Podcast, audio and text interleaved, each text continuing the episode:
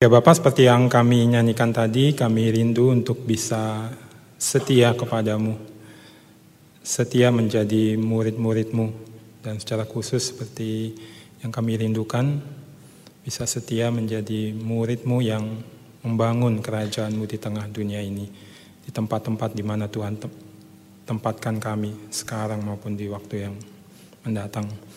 Dan kami sadar seperti yang kami nyanyikan tadi, kami butuh belas kasihmu, kami butuh anugerahmu berupa kebenaran firmanmu untuk mengajar, membentuk, mengarahkan, dan memampukan kami untuk bisa menjadi murid-muridmu yang setia. Nah itu kami sungguh memohon berkat Tuhan. Kiranya Tuhan berbicara kepada kami melalui bagian firman yang akan kami baca Mohon kiranya roh kudus menerangi hati dan pikiran kami, mengajar kami kebenaran firman-Mu dan menolong kami nantinya untuk menerapkannya. Secara khusus firman-Mu ini juga bisa berbicara di opening ini, mengarahkan kami atau menyatakan kepada kami apa yang Engkau kehendaki untuk kami lakukan. Baik eh, ketika kami mengikuti sesi demi sesi di retret koordinator yang ke-16 ini ataupun setelah kami nanti pulang dari retreat ini dan coba menerapkan apa yang Tuhan ajarkan kepada kami. Berbicara ya Bapa, kami anak-anakmu siap mendengar. Dalam nama Yesus kami berdoa. Amin. Ya, selamat sore semuanya.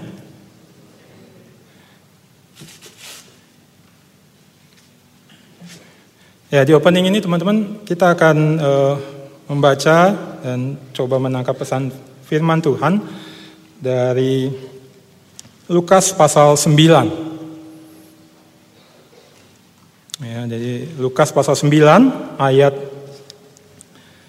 57 sampai ayat 62.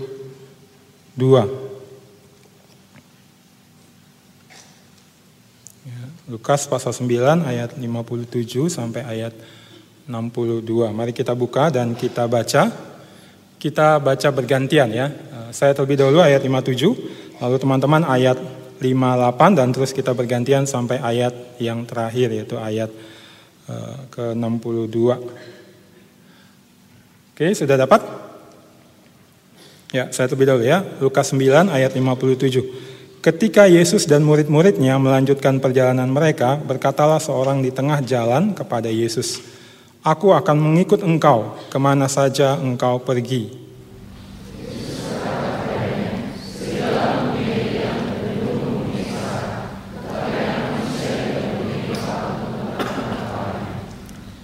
Lalu ia berkata kepada seorang lain, "Ikutlah aku."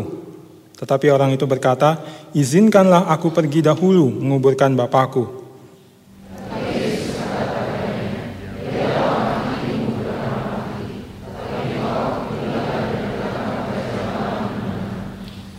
Dan seorang lain lagi berkata, Aku akan mengikut engkau Tuhan.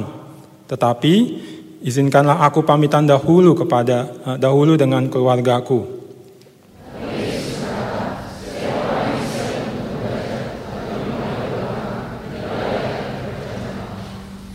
Ya, ini yang akan kita uh, coba tangkap pesan Tuhan bagi kita di opening ini, teman-teman.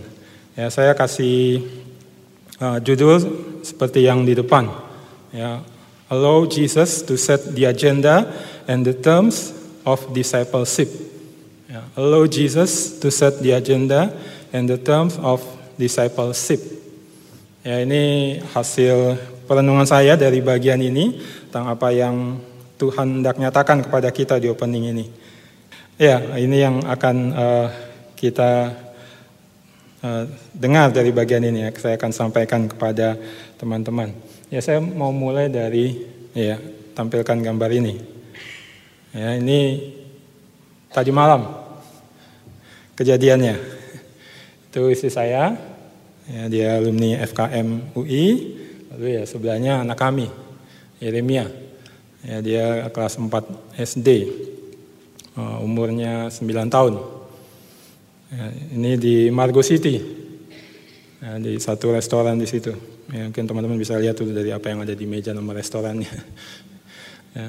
uh, ini kemarin sore teman-teman. Jadi sebenarnya uh, saya lagi masih persiapan sama koordinasi dengan panitia-panitia, ya, tapi sempatkan ke sana ya, ke tempat itu, ya, ke Margo City itu. Ya. Nah, tujuannya sebenarnya itu adalah untuk membawa si Yeremia anak kami itu untuk dipotong rambutnya. Ya, karena rambutnya udah mulai kontrol untuk teman-teman lihat. Jadi gurunya suruh dia potong rambut Ya, sebenarnya disuruhnya hari Senin. Ya, cuma saya ada kegiatan-kegiatan ya, terutama persiapan RK ini. Ya, jadinya saya bilang nanti aja. Ya, uh, dan ya sempatnya kemarin malam itu saya rencanakan. Ya, nah cuma ada uh, yang terjadi teman-teman, dia nggak potong rambut. Jadi saya udah uh, dia di tengah kesibukan persiapan koordinasi RK, saya udah uh, sempatkan ke sana setir mobil, ya kami bertiga naik mobil itu di jalan Margonda itu menuju Margus itu itu macet banget kemarin hujan lebat, ya, tapi sempat sempatkan ke sana, tapi nggak potong rambut. Ya. Kenapa nggak potong rambut, teman-teman? Ya, karena waktu saya ke ke bawah ke tempat ATM, Ya, saya suruh dia sama mamanya untuk ke tempat potong rambut di situ. Ya, cuma dia bilang sama mamanya jangan potong rambut sekarang. Kita makan-makan aja mah. Itu yang dia nyatakan. Jadi ke tempat makan itu dan kemudian di tempat makan itu juga ada hal yang dia ingin kerjakan itu. Sehingga lebih lama lagi di situ nggak sempat juga untuk potong rambut. Apa yang dikerjakan itu teman-teman bisa lihat di situ. Ada buku-buku, ada pensil, ada penggaris. Jadi dia kerjakan PR-nya teman-teman di situ di restoran itu sambil makan. Jadi kami lama di situ, waktu habis, ya, karena saya mau cepat-cepat pulang lagi, itu cuma untuk makan di situ dia ngerjakan PR-nya sambil makan. Ya. Nah apa yang saya mau angkat dari sini, teman-teman, anak saya si Yeremia itu baru 9 tahun, baru kelas 4 SD, dia memberanikan diri untuk men-set agenda kami hari itu. Saya sebenarnya sudah set agenda kami untuk ke Margo City sore itu, itu ya itu untuk dia potong rambut. Karena itu tujuannya itu, itu yang penting. Gurunya suruh dia potong rambut. Ya. Tapi dia men-set agenda yang lain. Dengan caranya, dan dia berhasil. Itu ya makan-makan dan kerjakan PR di situ. Dan saya nggak tahu itu dia udah bawa bukunya, pensil dan lain-lain di tas kecilnya. Ya, saya kira dia bawa mainan, karena biasanya kalau pergi bawa tas kecil itu isinya mainan atau minumannya dia. Tapi ternyata dia bawa itu. Ya, nah itu teman-teman, uh, anak sekecil ini, anak saya yang kecil ini sudah memberanikan diri untuk men-set agenda. Padahal sebenarnya yang harusnya men-set agenda itu bukan dia. Yang men-set agenda itu adalah ya kami harusnya orang tuanya. Yang ya bisa dibilang yang berotoritas atas dia.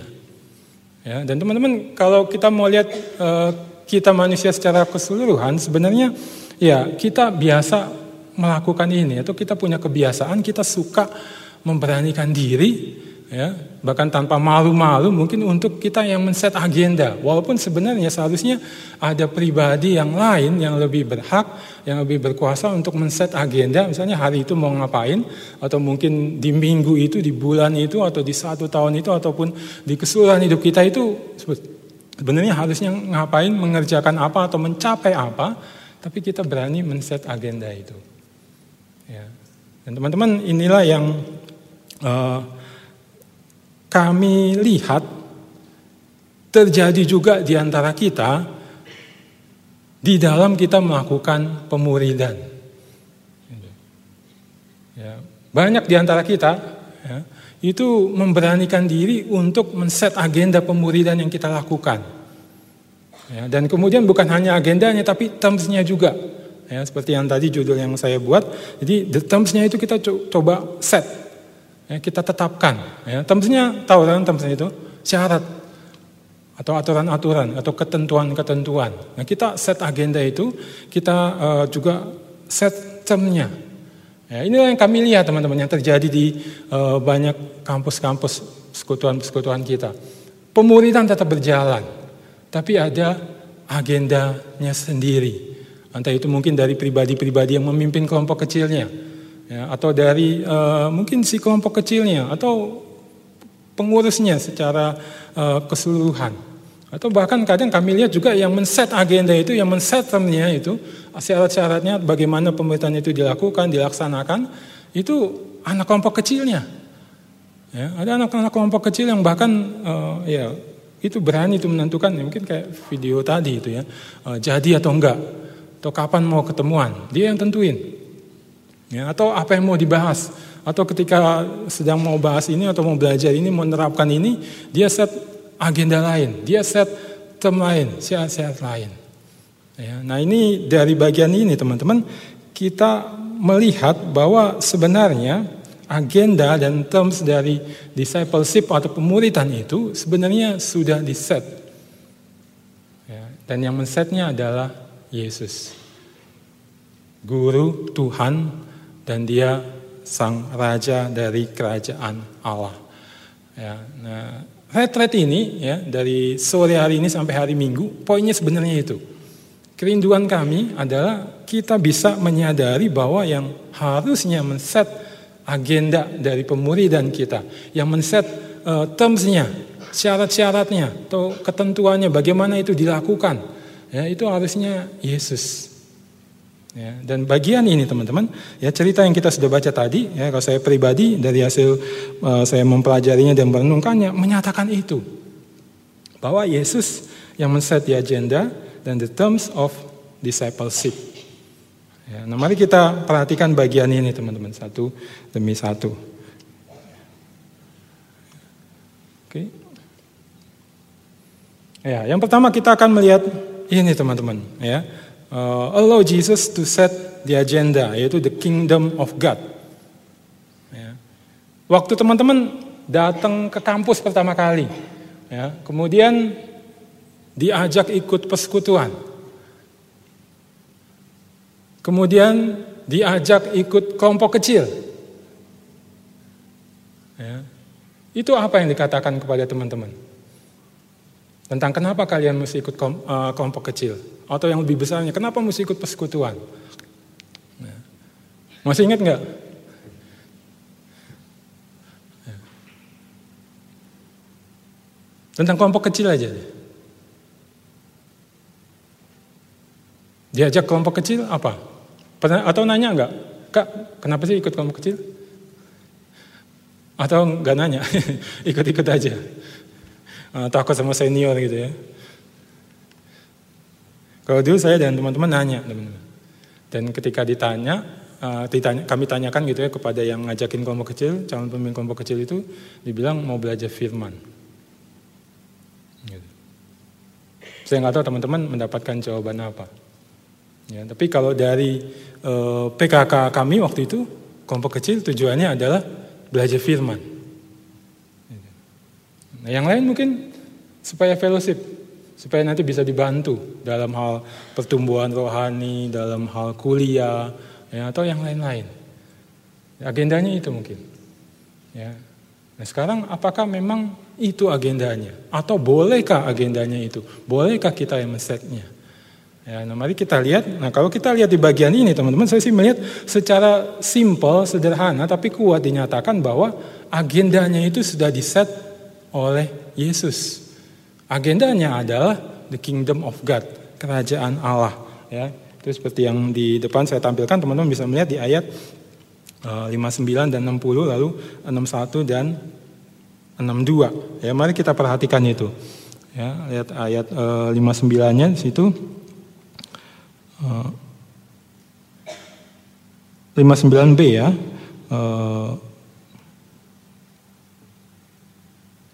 mulai dari 59, sorry masanya 59. Lalu ia berkata kepada seorang lain, ikutlah aku. Tapi orang itu berkata, izinkanlah aku pergi dahulu menguburkan bapakku.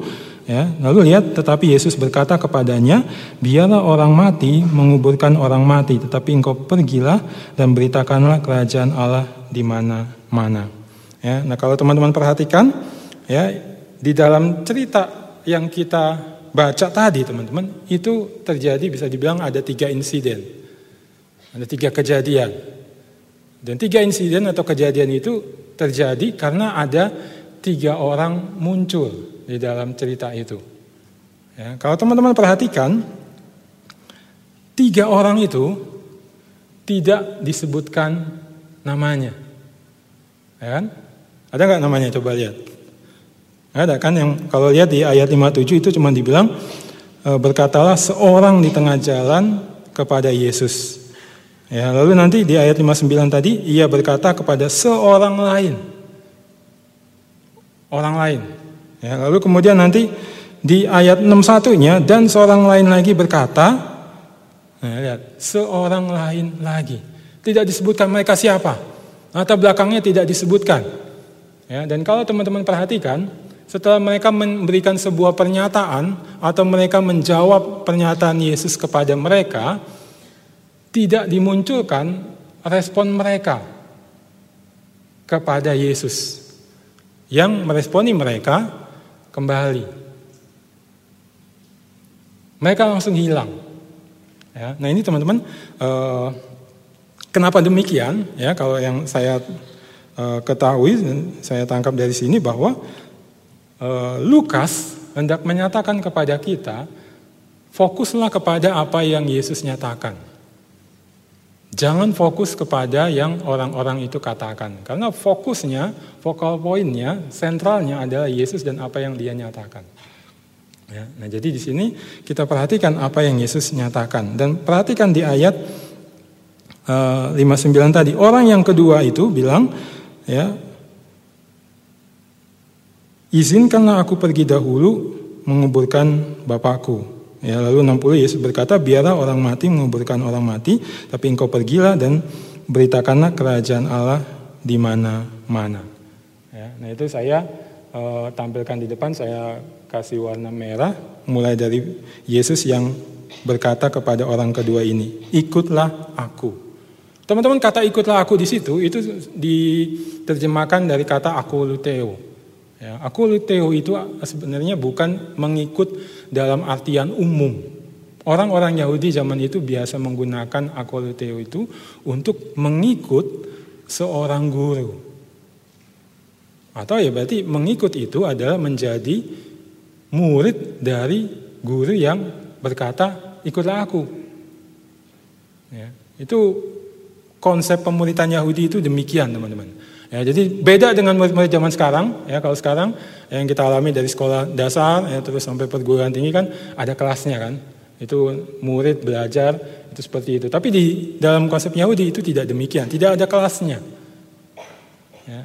Yang ada adalah mengikuti sang guru atau rabi ke mana saja, ya, kapan saja rabi itu pergi dan belajar dari rabi itu. Apa yang dia katakan, apa yang dia lakukan mata pelajarannya atau buku pelajarannya itu adalah rabi itu.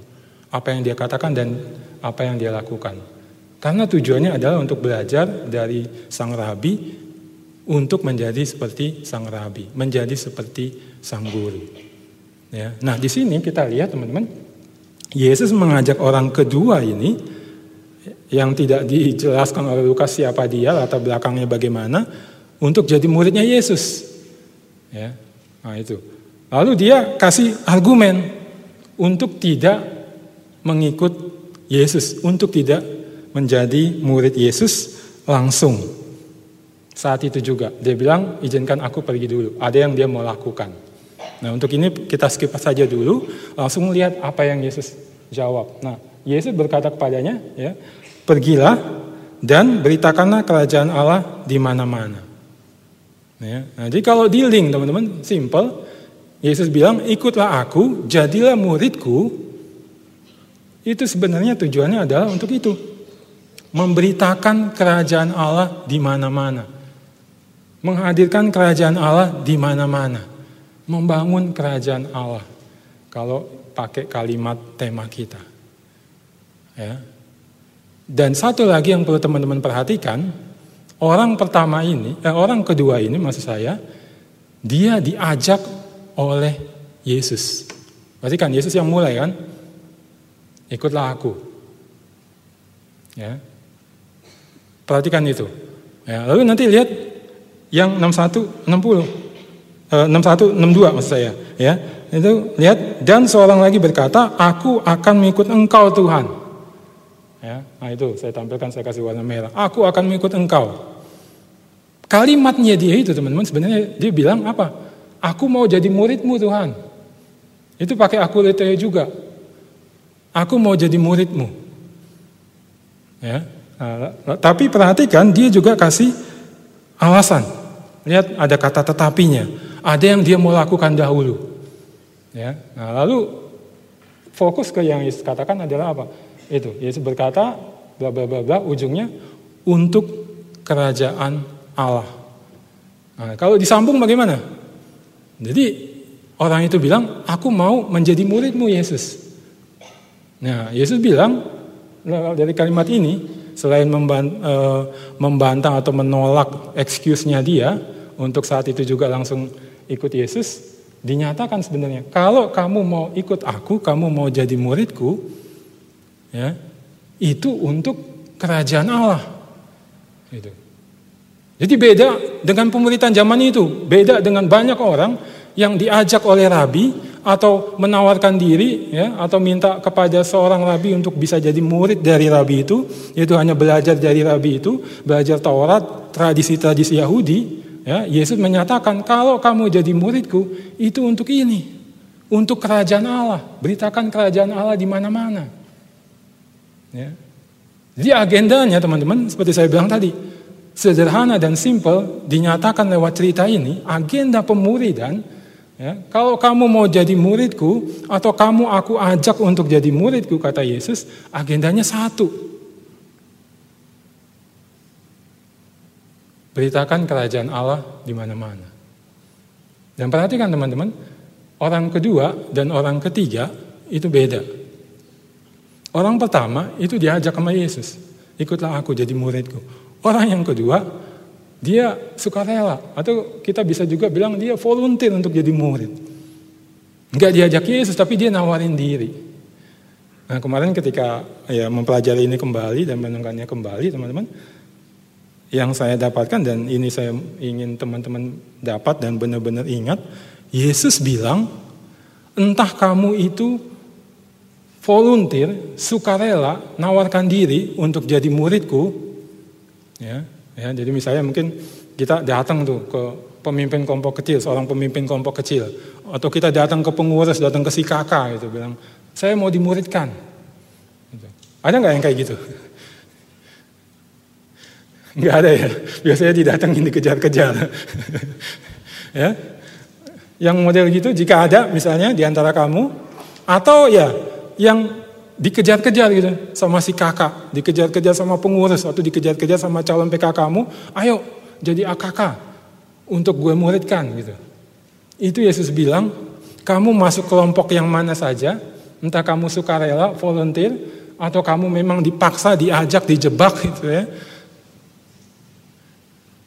Agendamu cuma satu, aku mensetnya, aku yang berhak mensetnya. Yaitu ini, kamu dimuridkan untuk kerajaan Allah. Untuk beritakan kerajaan Allah di mana-mana. Hadirkan kerajaan Allah di mana-mana. Di sekolah, di kampus, di rumah, di gereja, di tengah masyarakat, di tempat kerjamu nanti. Tujuan kamu dimuridkan itu untuk sampai ke sana. Segala sesuatunya itu dilakukan untuk itu. Segala sesuatunya harus dinilai apakah kamu dimuridkan menuju ke sana dan pada akhirnya nanti mencapai ke sana atau tidak. Ya, ya teman-teman saya nggak mau bagikan banyak karena nanti it, uh, sebenarnya poin ini juga akan dibagikan di uh, eksposisi-eksposisi lebih detail. PA juga ada, ya. apa yang ada di perikop kita akan detail-detailnya lebih banyak di situ. Tapi saya sampai ke sini saja. Ya. Yesus ketika memanggil orang atau ketika menerima Orang yang menawarkan dirinya secara sukarela bilang aku mau jadi muridmu, Yesus sudah set agendanya. Agendanya itu untuk kerajaan Allah, untuk beritakan kerajaan Allah di mana-mana. Ya. Nah, kenapa dia yang berhak mensetnya? Yang pertama dia gurunya teman-teman. Harusnya kan gitu kan? Ya.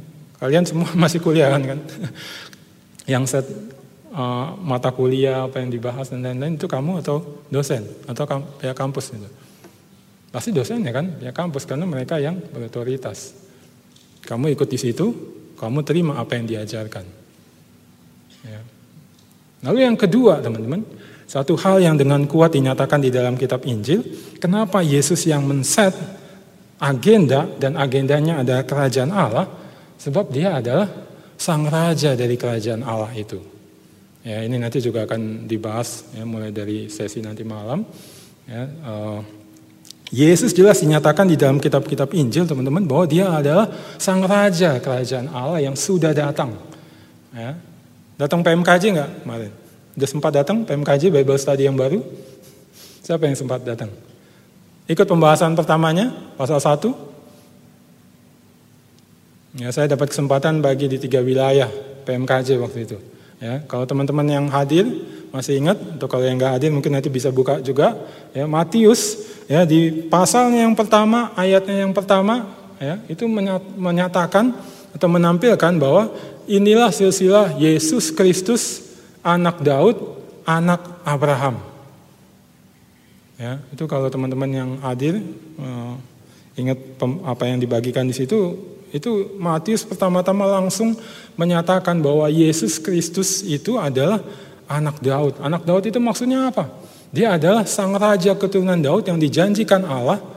Ya.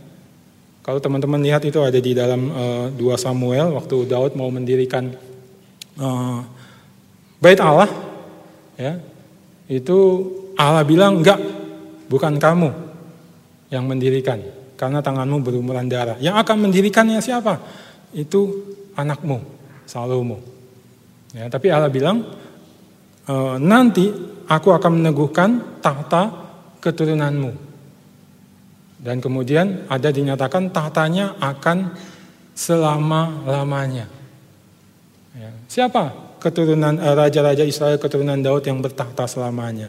Nah, kalau kita lihat di dalam Alkitab itu dinyatakan bahwa ya Yesus. Ya, karena keturunan-keturunan Daud itu semuanya mati.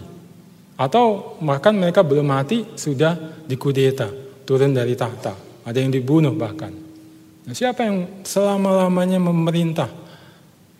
Yesus dinyatakan di dalam Alkitab, terutama dinyatakan di dalam wahyu. Nah jadi Matius mau menyatakan inilah Yesus sang raja kerajaan Allah yang dijanjikan sejak zamannya Daud dan dia sudah datang.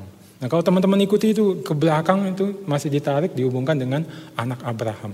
Itu mau menyatakan apa teman-teman? Mau menyatakan bahwa ini bukan saja pengenapan janji Allah kepada Daud, tapi ini bahkan sudah jauh lebih lagi ke belakang dalam catatan di perjanjian lama, yaitu janji Allah kepada Abraham. Ya, kalau teman-teman masih ingat, yang kejadian 12 itu Abraham kan diberkati untuk menjadi bangsa yang besar dan kemudian nanti bangsa-bangsa akan diberkati. Ya, nah kalau teman-teman lihat di pasal selanjutnya, pasal 15 dan 17, itu janji itu diulangi, ya, dan ditambahkan teman-teman bahwa nanti dari Abraham itu akan lahir bangsa-bangsa, lalu kemudian nanti akan lahir raja-raja. Ya, yang saya pahami yang dimaksud Abraham melahirkan bangsa-bangsa, kemudian ada raja-raja lahir, itu maksudnya ya raja-raja Israel. Dan kemudian nanti terus terus terus Yesus sang raja. Ya. Nah, saya waktu itu dalam mempelajari dan saya bagikan juga di PMKJ. Jadi ketika dibilang bahwa Yesus itu bukan hanya anak Daud, tapi dia juga anak Abraham, itu dinyatakan bahwa sang raja ini itu adalah perwujudan dari rencana Allah yang sudah diberikan bahkan sejak Abraham. Penggenapannya itu di dalam dan melalui Yesus. Dia sekarang sudah datang. Ya, dan makanya nanti kalau teman-teman perhatikan, ya Matius selanjutnya menyatakan membukakan lebih jauh tentang siapa sang raja dan kerajaannya bagaimana. Dan kalau nanti kita masuk sampai ke pasal 5, itu kan ada ya, dikenal dengan khotbah di bukit teman-teman, itu disebut uh, disebutkan oleh Yesus nilai-nilai kerajaan Allah. Warga kerajaan Allah harus hidup menurut nilai-nilai itu. Dan siapakah uh, kepada siapakah itu disampaikan? Siapa pendengarnya? Pendengarnya adalah murid-muridnya. Jadi yang bisa disimpulkan adalah apa? Warga kerajaan Allah, teman-teman, itu adalah murid-murid. Warga kerajaannya Yesus itu murid-muridnya. Ya. Dan kalau kita maju terus uh, dalam kitab Matius nanti kita di PMKJ akan sampai sana kapan waktunya. Di ujung kitab Matius, Yesus mengutus murid-muridnya pergi jadikanlah segala bangsa muridku. Ya, nah, waktu saya persiapan itu teman-teman kan seperti tadi saya lihat ke kejadian 12 itu waktu Abraham diutus. Itu Abraham diutus dengan kalimat yang persis sama. Pergilah dimulai dengan kata itu. Yesus di ujung Matius juga berkata kepada murid-muridnya, pergilah. Jadikanlah bangsa bangsa muridku. Simpelnya sederhananya apa? Kerajaan Allah teman-teman Yesus perintahkan untuk disebarkan atau diperluas atau dibangun. Yang membangunnya siapa? Yaitu murid-muridnya. Murid-muridnya adalah warga kerajaan Allah dan kemudian diutus untuk menghadirkan kerajaan Allah. Ya. Nah, makanya teman-teman, Yesus itu berhak, dialah yang berhak untuk men-set agendanya, dia sudah men-set agendanya, dan agendanya itu cuma itu, menghadirkan kerajaan Allah. Ketika kita memuridkan di kampus, ya, lewat kelompok kecil, lewat kelompok besar, ya, ataupun nanti di mana Tuhan tempatkan kita, kita juga lakukan pemuridan, itu sebenarnya adalah dalam rangka itu, memperluas, membangun kerajaan Allah. Yesus sudah men-set agendanya ini. Nah, cuma pertanyaannya teman-teman, apakah kita membiarkan Yesus yang memang punya hak, punya otoritas untuk men-set agendanya ini? Ya. Coba ambil waktu ya di masa ah, masa retret ini atau nanti bisa setelah pulang kembali coba renungkan lihat segala ah, bentuk pemuridan yang sudah dilakukan di kelompok kecil kelompok besar Apakah agendanya itu kamu yang set, pengurus yang set, si kelompok kecil yang set atau PKK yang set, atau sudah Yesus yang set sebenarnya agendanya? Ya. Nah, kami panitia, ya saya secara khusus ketika mempersiapkan ini ya, Tuhan Allah menyatakan allow Jesus to set the agenda of the kingdom of God ini. Biarkan dia yang set. Ya. Jadi artinya apa? Ya kita jadikan itu agenda kita dalam memuridkan. Bukan yang lain. Ya, kembali kalau mau kita lihat banyak yang memuridkan ya misalnya sekedar apa? Untuk bertumbuh. Ya, kalau kami lihat itu makin banyak itu begitu kebanyakan. Ikut kelompok kecil dimuridkan untuk apa? Untuk bertumbuh. Atau untuk e, menghasilkan pengurus-pengurus misalnya. Atau untuk bisa ini, bisa itu. Dan lain-lainnya. Nah, teman-teman harusnya agendanya adalah ini menghadirkan atau membangun kerajaan Allah. Memang untuk bisa itu perlu menghasilkan pelayan, pengurus, orang mesti bertumbuh, tapi nggak sekedar itu. Harusnya terus, terus, terus sampai kepada menghadirkan kerajaan Allah. Ya, nah ini teman-teman yang disampaikan di bagian ini. Ya, biarkan Yesus men-set agenda dari pemuridan kita. Ya, nah lalu langsung ke bagian yang Kedua, teman-teman, ya, allow Jesus to set the terms. Ya, jadi Yesus, teman-teman, tidak hanya men-set agendanya, tapi dia juga men-set syarat-syarat atau ketentuannya bagaimana pemuridan itu dilakukan atau bagaimana agenda itu harus dan bisa dicapai. Dia sudah men-setnya juga. Dia tidak menyerahkan ini kepada kita atau kepada orang-orang lain, tapi dia sendiri yang men-setnya. Karena ya dia sang raja, dia guru, dia Tuhan, dia yang tahu apa yang diperlukan, dia yang menentukan standarnya, ya, term-termnya ini, ya dan bagian kita sebenarnya ya tinggal melakukannya. Ya, kalau dalam kalimat saya itu, allow Jesus, biarkan Yesus yang men-setnya, lalu kita taati, kita ikuti. Ya. Dan dari bagian ini teman-teman, ya saya melihat ada tiga. Ya, dan yang pertama, ya, seperti yang di depan ini. Ya, pilih jalan salib Kristus, bukannya kenyamanan dan keamanan dunia. Ya, ini dari ayat 57 dan ayat 58. Ya, nah mari kita perhatikan di situ teman-teman. Kalau teman-teman lihat ya, e, cerita ini dimulai dengan insiden pertama. Ada orang pertama, seperti yang tadi saya bilang, seseorang yang tiba-tiba muncul, tidak disebutkan namanya siapa, ya latar belakangnya apa atau kenapa dia ngomong gitu. Ya, dan dia ini sebenarnya seperti orang yang ketiga itu. Jenisnya volunteer. Suka rela dia nawarin gitu. Kepada Yesus bahwa lihat kalimatnya di ayat 57 itu teman-teman, aku akan mengikut engkau ke mana saja engkau pergi. Ya, jadi dia bilang kepada Yesus, aku mau akoliteo engkau, mau jadi muridmu. Ya, dan bahkan teman-teman perhatikan, dia punya komitmen yang dia nyatakan di awal ketika dia mau jadi murid ini, komitmennya sangat luar biasa. Yaitu dia bilang ke mana pun engkau pergi, ke mana saja engkau pergi.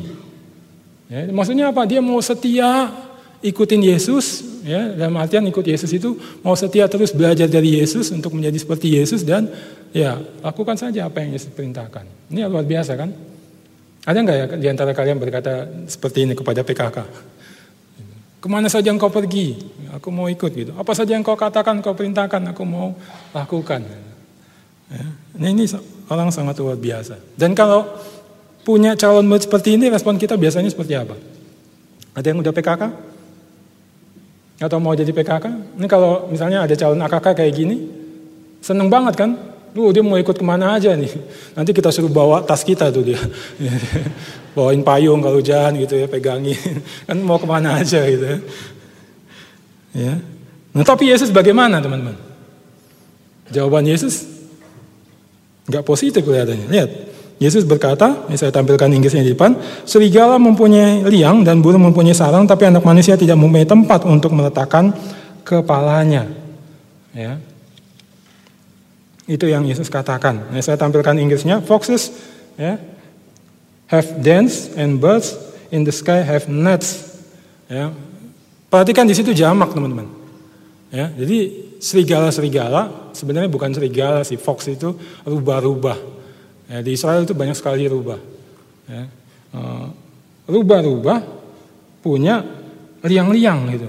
Maksudnya masing-masing rubah punya liangnya sendiri.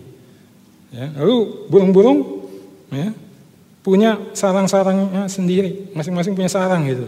Gak ada yang gak punya. Ya. Nah, lalu dia bilang, dia lanjut lagi. Ya, tetapi anak manusia tidak punya tempat untuk meletakkan kepalanya. Nah itu yang Yesus katakan. Ya. Nah apa yang Yesus hendak sampaikan lewat jawabannya ini teman-teman? Ya ini sebenarnya sebuah gambaran kan imagery. Ya, nah, untuk gampangnya teman-teman kita tinggal mundur ke belakangnya. Ya, itu perikop di belakang teman-teman bisa lihat yang ayat 51 sampai ayat uh, eh, 55. Itu Yesus dan murid-murid berjalan lewat uh, desa orang Samaria dan orang Samaria menolak untuk menerima Yesus. Ya, itu. Nah, jadi sebenarnya maksudnya Yesus di sini kurang lebih seperti yang apa yang dia baru saja alami itu. Bahwa dia mengalami penolakan. Nggak ada tempat buat dia untuk tinggal, berdiam, meletakkan kepala aja nggak ada. Gitu. Ya, bisa dibilang kayak tunawisma gitu. Dan dengan kalimatnya ini sebenarnya satu gambaran yang kuat teman-teman. Saya dapatkan begini, dia bilang rubah-rubah itu, burung-burung itu semuanya punya tempat tinggal. Mereka jauh lebih beruntung dari aku, anak manusia.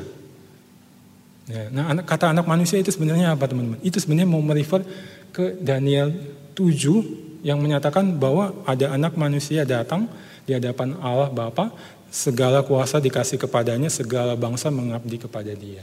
Saya melihat terutama itu menuju ke situ. Nah, jadi sebenarnya itu sebuah ironi. Dia bilang, aku memang sang raja yang dinubuatkan di Daniel itu, tapi lihat, aku untuk tempat letakkan kepala saja aku nggak punya. Ya. Nah simpelnya teman-teman, yang dia mau nyatakan kepada orang ini, ya orang yang volunteer ini dan punya komitmen yang luar biasa ini adalah, kamu sadar nggak sih komitmenmu itu akan membawa kamu ke mana? Komitmenmu itu akan membawa kamu ke posisi yang aku alami, bahkan baru saja aku alami, lihat tuh, orang Samaria menolak aku. Mereka nggak terima aku. Ya, dan bahkan kalau kita lihat kitab Injil teman-teman, Yesus memang nggak punya tempat untuk meletakkan kepala bahkan sejak lahir kan. Dia nggak di, diterima di penginapan-penginapan. Yang diterima mana? Hewan-hewan, kandang hewan. Sampai matinya dia nggak punya tempat. Nah dia mau menyadarkan orang ini, kamu mau nggak ngalami situasi yang tidak nyaman ini? Kamu mau nggak jadi tunawisma? Ya, kemungkinannya teman-teman orang ini sudah melihat Yesus itu Jadi makin lama makin terkenal, banyak yang ngikutin. Dia sebentar lagi akan jadi raja atau dirikan kerajaan di Israel. Nah, maka pilihan yang tepat gue ikutin dia ke mana aja. Nah, cuma Yesus bilang sadar nggak lu komitmen itu akan membawa kamu ke mana? Akan membawa kamu ke posisi seperti aku, jauh lebih malang daripada rubah-rubah dan burung-burung. Mau nggak hidup seperti itu? Nggak nyaman, miskin di bawah standar dunia, bahkan di bawah standar binatang kan? di bawah standar rubah dan burung-burung.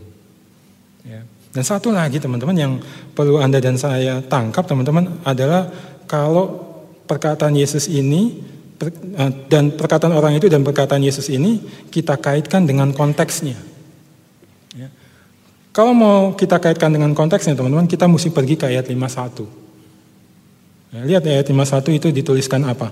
Ketika hampir genap waktunya Yesus diangkat ke sorga, ia mengarahkan pandangannya untuk pergi ke Yerusalem. Ya. Yesus dan murid-muridnya teman-teman sedang pergi ke Yerusalem atau Yesus sedang pergi menuju ke Yerusalem, dia ajak murid-muridnya untuk mengikut dia. Ngapain Yesus ke Yerusalem? Tamasya. Mau selfie di Yerusalem misalnya.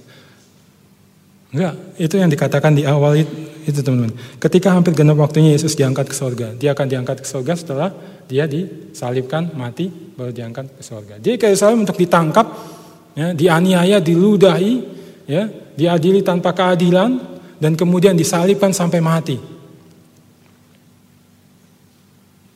Nah kalau kita kaitkan dengan perkataan orang pertama ini, aku mau ikut engkau ke mana saja engkau pergi, itu artinya apa?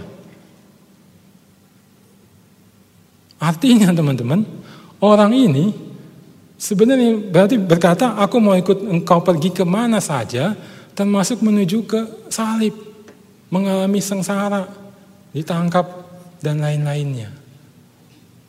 Ya, dan kalau kita mau mundur teman-teman, sebenarnya di Lukas 9 ayat 51, oh, sorry bukan Lukas 9 ayat 51, uh, eh, yang Lukas 9 ayat 23 maksud saya. Ya, itu Yesus berkata kepada murid-muridnya, setiap orang yang mau mengikut aku, ya harus menyangkal dirinya, memikul salibnya setiap hari, dan mengikut aku. Perhatikan, yang mau ikut aku, mau jadi muridku, harus menyangkal diri, memikul salibnya setiap hari, dan mengikut aku. Jadi simpelnya sebenarnya apa teman-teman? Yesus mengajak murid-muridnya untuk menempuh jalan salib. Dia sedang menuju ke salib, ya, murid-muridnya ikut dia, bukan sedang ikutin, tapi juga menempuh jalan salib pikul salib sangkal diri. Ya, nah makanya teman-teman kalau teman-teman lihat nanti di pasal-pasal selanjutnya, Yesus banyak menyatakan wujud nyata dari bagaimana murid-murid itu akan pikul salib sangkal diri itu. Ya, yang paling dekat misalnya teman-teman bisa lihat di pasal 10 itu. Ya. Pasal 10 teman-teman eh, kita lihat di situ eh, ayat 3 dan ayat 10-nya. Lihat, pergilah sungguhnya aku mengutus kamu seperti anak domba ke tengah-tengah serigala. Murid-murid diutus seperti domba ke tengah serigala. Domba di tengah serigala ngalamin apa? Dielus-elus. Iya cabi ya, bulunya bagus, putih. Kagak langsung diterkam, habis. Ya. Lalu lihat uh, ayat 10-nya. Tetapi jika kamu masuk ke dalam sebuah kota dan kamu tidak diterima di situ, pergilah ke jalan-jalan raya kota-kota itu dan serukanlah. Perhatikan dibilang, kamu masuk ke dalam sebuah kota, kamu tidak diterima di situ.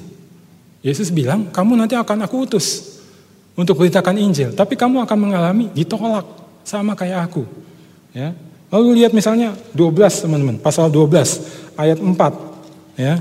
Lihat 12 ayat 4 itu uh, Yesus berkata, Aku berkata kepadamu, hai sahabat-sahabatku, sahabat-sahabatku itu murid-muridnya, janganlah kamu takut terhadap mereka yang dapat membunuh tubuh. Ya, Yesus bilang apa? Kamu nanti akan terancam nyawamu, ada orang-orang yang mau membunuh kamu. Ya, lalu lihat ayat 11-nya. Apabila orang menghadapkan kamu kepada majelis-majelis atau kepada pemerintah-pemerintah dan penguasa-penguasa, janganlah kamu khawatir. Jadi maksudnya apa? Mereka akan ditangkap, dibawa kepada pemerintah-pemerintah, penguasa-penguasa dan diadili. Yesus akan mengalami itu. Lalu Yesus bilang, kamu murid-muridku nanti akan mengalami itu. Itu bagian dari kamu sangkal diri dan pikul salib. Ya. Lalu lihat nanti yang 12 eh, ayat 16 dan ayat 16 sampai ayat 21 teman-teman. Itu di perumpamaan orang kaya yang bodoh. Ya. Jadi ada orang kaya, tahu kan perumpamaannya, orang kaya itu dia kumpulkan gandum banyak-banyak, habis itu dia bangun gudang-gudang untuk nyimpan gandum makin banyak lagi. Lalu dia bilang, ya bersenang-senanglah jiwaku, semuanya sudah lengkap, tinggal senang-senang saja. Ya, itu kayak orang zaman sekarang kan, kumpulin banyak-banyak, nanti hidupnya tinggal enak-enak, nikmati. Ya, alumni-alumni kita banyak yang hidupnya tujuannya ke sana. Ya, tapi lihat, habis itu Allah ngomong apa? Kamu bodoh. Ya, secara nggak langsung Yesus mau bilang apa? Kamu jangan berlaku bodoh. Jangan kumpulkan harta benda, kekayaan seperti orang dunia. Ya. Lalu kemudian nanti yang uh, berikutnya teman-teman masih di pasal 12 Yesus menyatakan lebih lagi penderitaan yang harus murid-murid alami, yaitu 12:49 sampai 53 ya.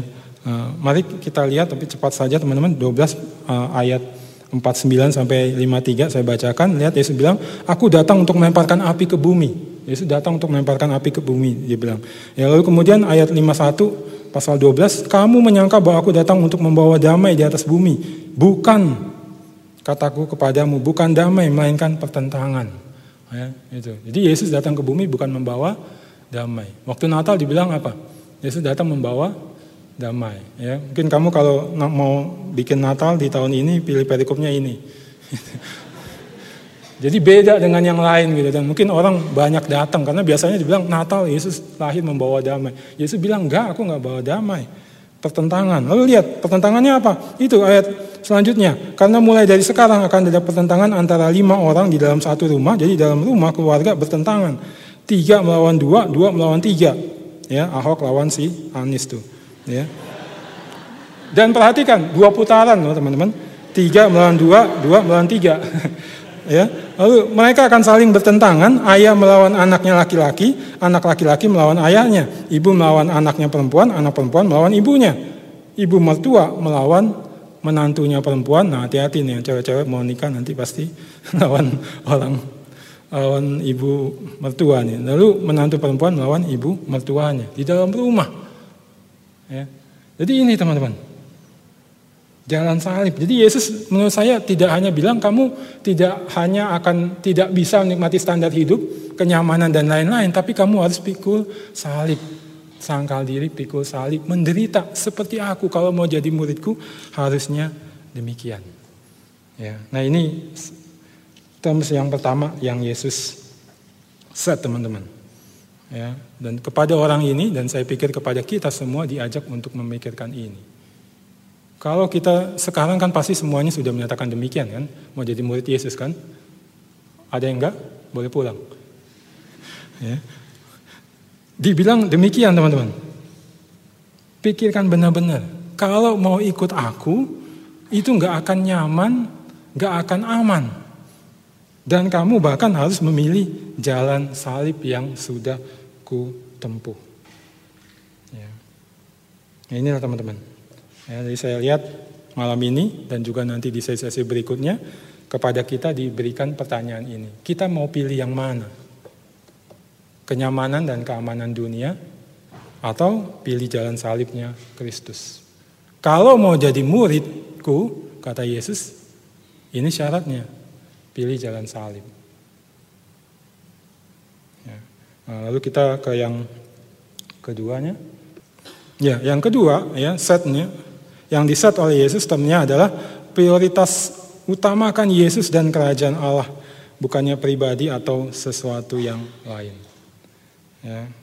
Nah, kita manusia teman-teman ya gemar sekali menentukan prioritas. Ya. Hari ini apa yang utama, jam ini apa yang utama, ya besok apa yang utama dan selanjutnya dan selanjutnya. Nah dalam pemuritan, firman yang kita baca ini menyatakan ada syarat yang sudah Yesus tetapkan kalau kamu mau jadi muridnya. Prioritaskan Yesus dan bahkan jadikan dia prioritas utama, Yesus dan kerajaannya, bukan pribadi atau sesuatu yang lain. Ya, ini jelas kelihatan teman-teman dari insiden yang kedua, ya, orang yang kedua tadi, ya, yang kita lihat di ayat 59 dan ayat 60. Ya, orang yang diajak Yesus untuk menjadi muridnya. Ya, kalau kita perhatikan teman-teman di dalam Lukas, ya, di Lukas pasal 5, itu ada juga orang yang di, diajak oleh Yesus untuk mengikut dia jadi muridnya, yaitu Lewi. Yesus bilang, mari ikut aku, dia pungut cukai, dia langsung tinggalkan tempat pungutan cukai itu dengan uang-uangnya di sana. Ya, nah orang ini diajak oleh Yesus seperti tadi, tapi perhatikan dia tidak langsung mengikut Yesus. Dia kasih excuse, dia kasih alasan. Alasannya apa? Ya, itu yang kita bisa uh, lihat di ayat 5 9 eh, itu.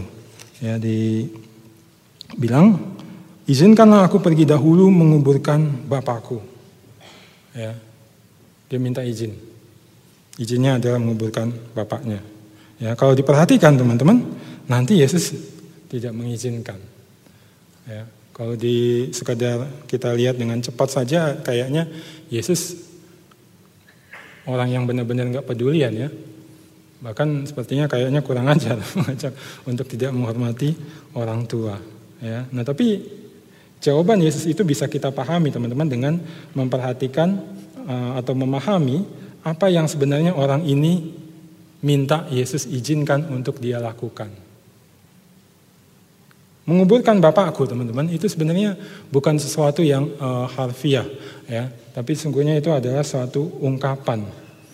Ya, kebanyakan ahli ya dari buku-buku yang saya baca melihat itu adalah ungkapan. Dan ini jelas dari apa yang Yesus nyatakan juga nanti ya. Yaitu bahwa uh, ini adalah ungkapan yang ya memang nggak benar-benar ayahnya sudah mati. Tapi ini sebenarnya ungkapan yang artinya adalah aku mau mengurus sampai selesai urusan-urusan keluargaku Ya, dari literatur yang saya baca, ada seorang yang bernama uh, George Adam Smith, dia seorang pengkhotbah eksposisi yang terkenal. Dia suatu ketika berkunjung ke Israel, teman-teman. Dan dia bertemu dengan seorang pria di sana. Dan seorang pria itu dia dengar mengucapkan ungkapan yang sama yang Yesus nyatakan di sini. Bahwa dia mau menguburkan bapaknya. Ya, setelah uh, Sir George, Adam Smith ini uh, cari tahu, dia tahu bahwa sebenarnya ya tidak ada pemakaman harafiah yang tercakup di dalam ungkapan orang ini. Bapak dari orang itu sebenarnya belum mati. Nah, di literatur yang saya baca juga dibilang ada seorang turis juga di Israel bahkan bertemu dengan seorang pria Israel yang menyatakan ungkapan ini bahwa dia mau menguburkan bapaknya dan bapaknya itu sebenarnya duduk di sebelahnya dia, teman-teman. Jadi bapaknya nggak mati sebenarnya. Cuma itu ungkapan bahwa aku mau menyelesaikan urusan keluargaku sampai selesai.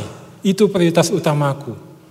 Ya. Dan ada juga uh, ahli yang saya baca menyatakan bahwa orang Yahudi itu punya tradisi juga uh, yang mirip-mirip beberapa suku di Indonesia.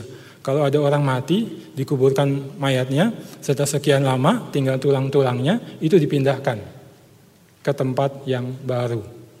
Ya, orang Yahudi melakukannya itu teman-teman mereka tunggu sampai satu tahun nggak ada lagi daging-dagingnya tinggal tulangnya digali tulang-tulangnya itu dipindahkan dimasukkan ke dalam kotak khusus yang namanya oswari lalu kotak itu dimasukkan di dalam uh, lubang di uh, gua-gua makam tempat kuburan ya, jadi dimasukin kotak kotaknya dimasukin di lubang situ ya, jadi uh, ahli yang saya baca itu bilang orang ini mungkin bilang Aku mau tunggu bapakku mati, lalu setelah dia mati, aku tunggu lagi satu tahun.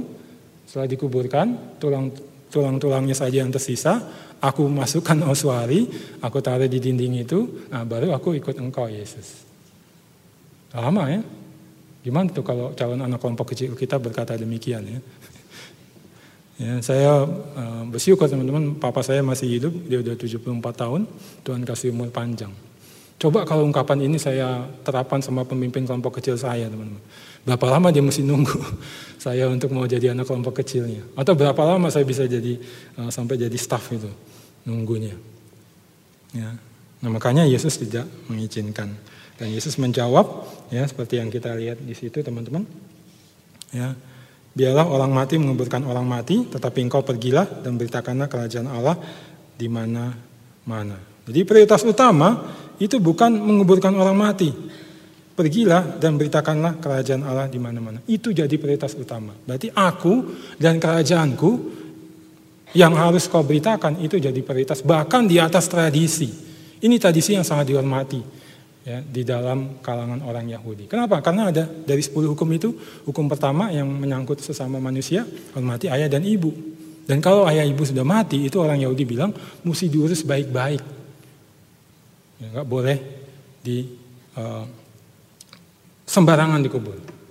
Ya, nah, tapi Yesus bilang, enggak, prioritasku yang aku set untuk kamu ya, adalah kerajaan Allah, kerajaan sorga.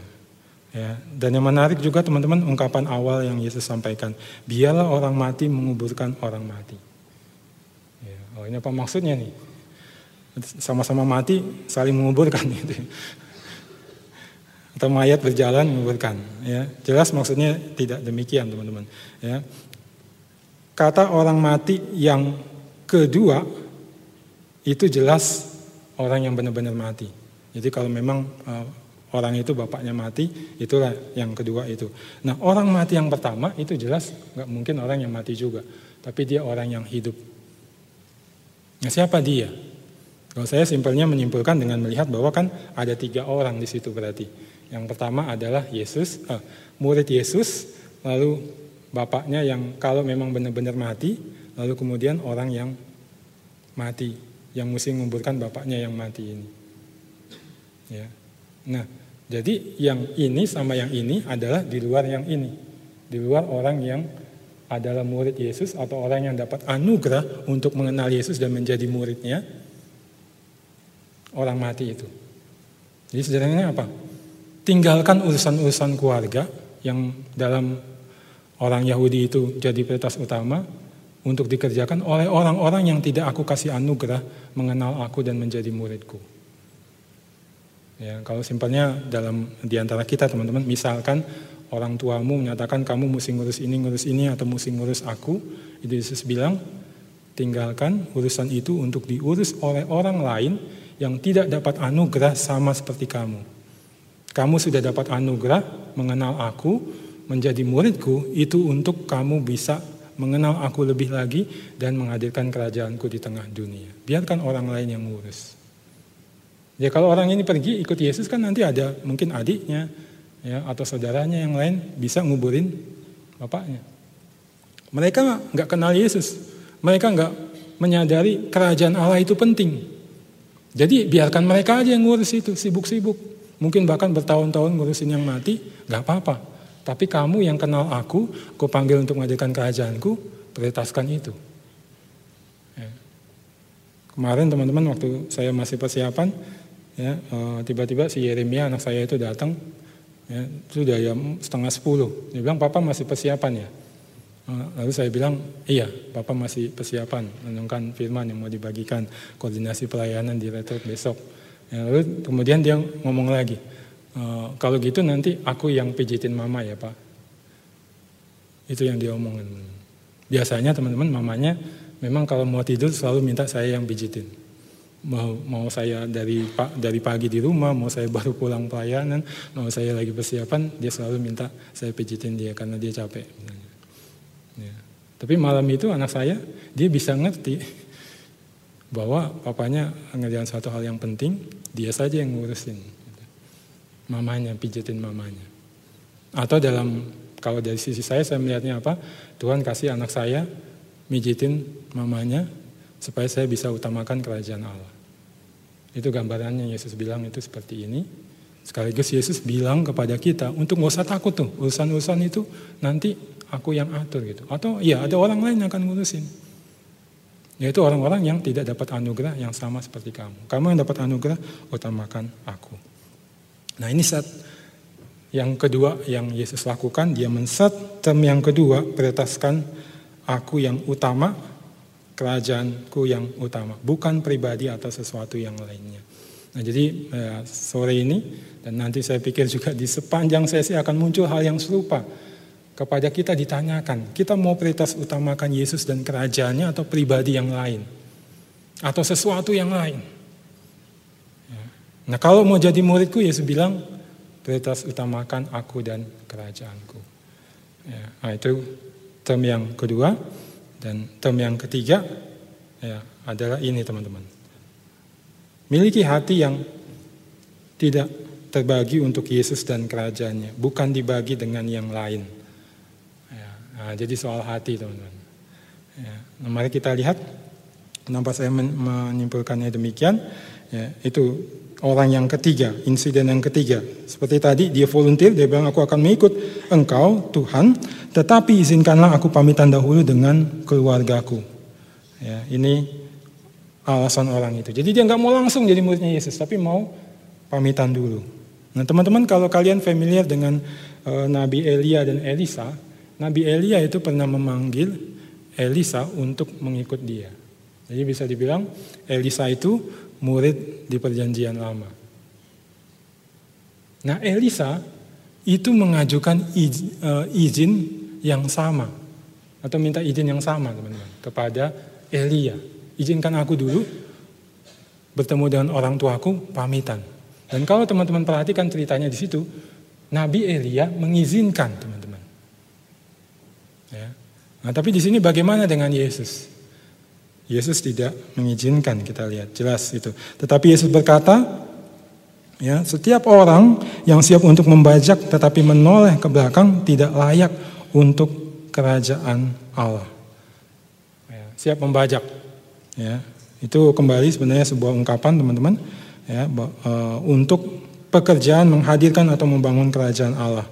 Dan Yesus bilang, fit atau tidak fitnya, layak atau tidak layaknya itu kalau orang itu membajak dengan tidak menoleh ke belakang. Itu kayak gambar di situ.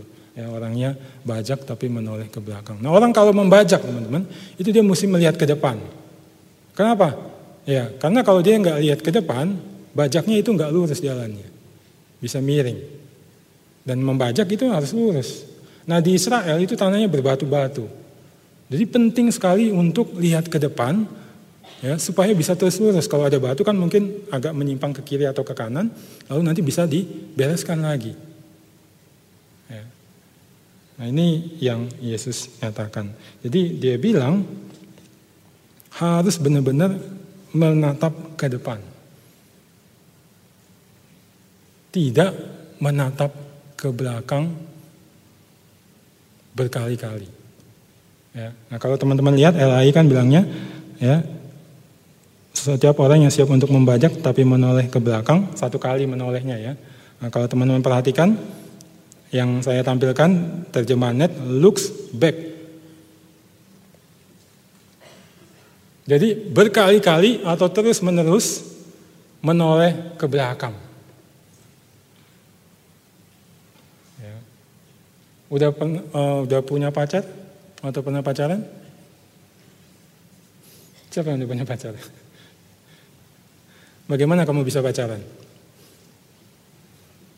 Atau menentukan orang itu jadi pacarmu? Terutama biasanya yang cowok gitu ya, cewek. Atau kadang cewek dan cowok juga bisa juga sih. Itu kan di awalnya kalau saya sih menilainya ketika kita melihat orang itu kan. Tapi apakah dengan melihat satu kali langsung kita mantap, aku mau dia jadi pacarku, atau aku mau pacarin dia? Ya. Saya punya pengalaman terkait itu di sini teman-teman di Kinasi. Cuma ruangnya bukan aula sini, aula yang sana, yang kita nggak jadi pakai karena sana direnovasi. Ya, jadi si saya yang tadi sudah bilang itu alumni FKM, itu kami ikut retret seperti ini, tapi namanya kalau nggak salah sih KKRJ, bukan RK, KM Kepemimpinan Regional Eh, Jakarta. Ya, jadi yang ikut bukan hanya koordinator tim inti tapi juga pengurus-pengurus yang lain. Ya, jadi dia ikut, saya ikut, saya ikut jadi PPA. Ya, uh, saya lihat dia dan udah lihat sih, dia orangnya cantik, manis, menarik. Cowok-cowok itu pada berlomba-lomba duduk sebelah dia teman-teman. Termasuk anak kelompok kecil saya yang cowok. Gitu. Tadinya dia di belakang itu, saya tahu dia duduk di belakang waktu masuk, saya agak ke depan. Nah, yang kemudian jadi istri saya ini di depan saya, barisan depan. Eh tiba-tiba anak kelompok kecil saya yang di belakang itu pindah dia. Dari depan langsung duduk sebelahnya ngobrol. Nah, saya lihat saat itu tertarik, cuma habis itu saya nggak liatin lagi, saya nggak perhatikan dia. Tapi kemudian itu Februari, di Desember, saya jadi uh, konselor di Natal uh, UI. Dia koordinatornya. Nah itu, mulai sering lihat dia. Ada masalah-masalah saya bantuin, makin sering lihat. Makin tertarik saya dia orang ini punya beban pelayanan yang besar. Gitu. Lalu habis itu ada di MIPA UI, kampus saya, uh, eh, PA in Holiday. Eh dia ikut. Saya makin sering melihat dia teman-teman. Makin tertarik, makin terikat, makin terpikat. Apalagi dia kemudian mau memberi diri jadi pemimpin kelompok waktu latihan PA. Waktu itu pembicara tunggalnya saya. Kagum saya. Makin tertarik, makin tertarik. Ketika orang melihat, melihat, melihat lagi, itu hatinya akan makin terpikat, akan makin terikat. Orang ini seperti umumnya orang Israel, orang Yahudi, dan saya pikir seperti Anda dan saya juga punya ikatan kan dengan keluarga. Nah maksud Yesus sebenarnya dengan pernyataannya ini, kalau kamu menyatakan mau jadi muridku, tapi kemudian kamu menoleh lagi melihat keluargamu, memprioritaskannya, lalu kamu mungkin maju lagi sedikit, tapi kamu kemudian menoleh lagi, menoleh lagi, itu pertama-tama menandakan bahwa hatimu masih terbagi. Masih ada ikatan yang belum diputuskan. Dan kemudian ikatan itu akan kembali menguat, makin lama makin menguat, sehingga kamu akhirnya akan berhenti membajak. Ya. Dan ini kan banyak terjadi kan. Ya entah alasannya pasti sama atau kasusnya sama, masalah keluarga. Banyak orang yang mundur dari pelayanan bahkan menghilang alasan orang tua nggak izinin, orang tua begini, orang tua begini, ya kan? Terjadi di kalangan kita itu banyak. Ya. Jadi masalahnya soal hati. Jadi yang Yesus minta atau syarat yang Yesus tetapkan adalah ini. Hati kita itu sepenuhnya untuk Yesus dan kerajaannya. Hati itu tempat uh, emosi, perasaan, keinginan, kehendak kita teman-teman. Kalau itu sepenuhnya untuk Yesus, maka sepenuhnya emosi kehendak keinginan kita juga untuk Yesus dan kerajaannya. Tapi kalau mulai dibagi, nah, ada untuk orang tua, untuk studi, kepentingan pribadi, lain-lainnya, lain-lainnya, lain-lainnya, ya hati kita terbagi-bagi, kemauan kita terbagi-bagi. Bahkan mungkin nanti yang lain itu akan terus menarik, akan terus memikat kita. Akhirnya hati kita kepada yang lain-lain itu. Nah Yesus bilang kalau mau jadi muridku sepenuhnya hatimu harusnya untukku. Dan Alkitab menyatakan ini masalah yang serius teman-teman. Ya, ada yang bilang uh, the heart of the problem is the problem of the heart. Jadi inti dari masalah itu adalah soal hati. Bagaimana hati kita? Ya, salah satu yang saya dapatkan dengan kuat uh, belum lama ini waktu saya bagi firman di PAKJ teman-teman saya diminta bagikan uh, tentang Salomo jadi eksposisi tokoh Salomo dari uh, perikop yang itu Salomo punya istri banyak gitu Nah, tapi yang saya temukan di situ sebenarnya intinya bukan uh, soal dia punya istri gundik yang begitu banyak. Tapi intinya adalah berkali-kali dinyatakan diulang hati Salomo tidak lagi uh, terkait uh, berpaut dengan kuat kepada Allah seperti ayahnya Daud. Itu diulang berkali-kali di dalam perikop itu. Kemudian saya telusuri ke belakang, pasal-pasal belakang, dan saya menemukan teman-teman di awal Salomo dimunculkan di dalam Alkitab hatinya itu isinya cuma satu, yaitu Allah dan kerajaannya. Ya, di pasal 3 ya di 2 Samuel itu ya, dinyatakan bahwa Salomo dikasih Tuhan kesempatan yang cuma satu-satunya pernah Allah lakukan dan cuma dia manusia dapatkan. Yaitu apa? Minta apa saja kepadaku, maka akan kuberikan kepadamu. Apa yang Salomo minta, teman-teman? Bukan kekayaan, kekuatan pasukan, ya ataupun istri yang banyak, gundik yang banyak, dia nggak minta itu. Tapi dia minta hikmat supaya bisa mengadili umat Tuhan dengan benar. Kenapa dia minta itu?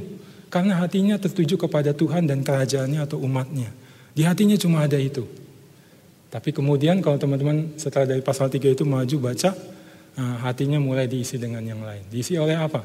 Diisi oleh harta, diisi oleh kekuatan pasukan, yaitu kudanya dia kumpulin banyak, harta dia kumpulin banyak, kuda dia kumpulkan banyak. Saya menemukan ada ditulis bahwa awalnya orang datang, banyak orang datang dari berbagai kerajaan untuk datang mendengar hikmat Salomo dan melihat kekayaannya. Tapi kemudian ketika saya baca terus teman-teman saya temukan itu jadinya terbalik. Banyak orang datang dari bangsa-bangsa untuk melihat kekayaan Salomo dan mendengar hikmatnya. Hikmatnya itu jadi nomor dua. Yang pertama adalah harta, kekayaan, dan hal-hal yang biasa dibanggakan oleh raja-raja pada umumnya. Dan kemudian yang di pasal 11-nya itu, istrinya banyak. Ya. Makanya dibilang Salomo tidak berpaut, hatinya eh, sepenuh hati kepada Allah seperti ayahnya Daud. Kalau Daud dinyatakan sepenuhnya berpaut kepada Allah. Salomo itu seperti tema di PKJ itu teman-teman akhirnya.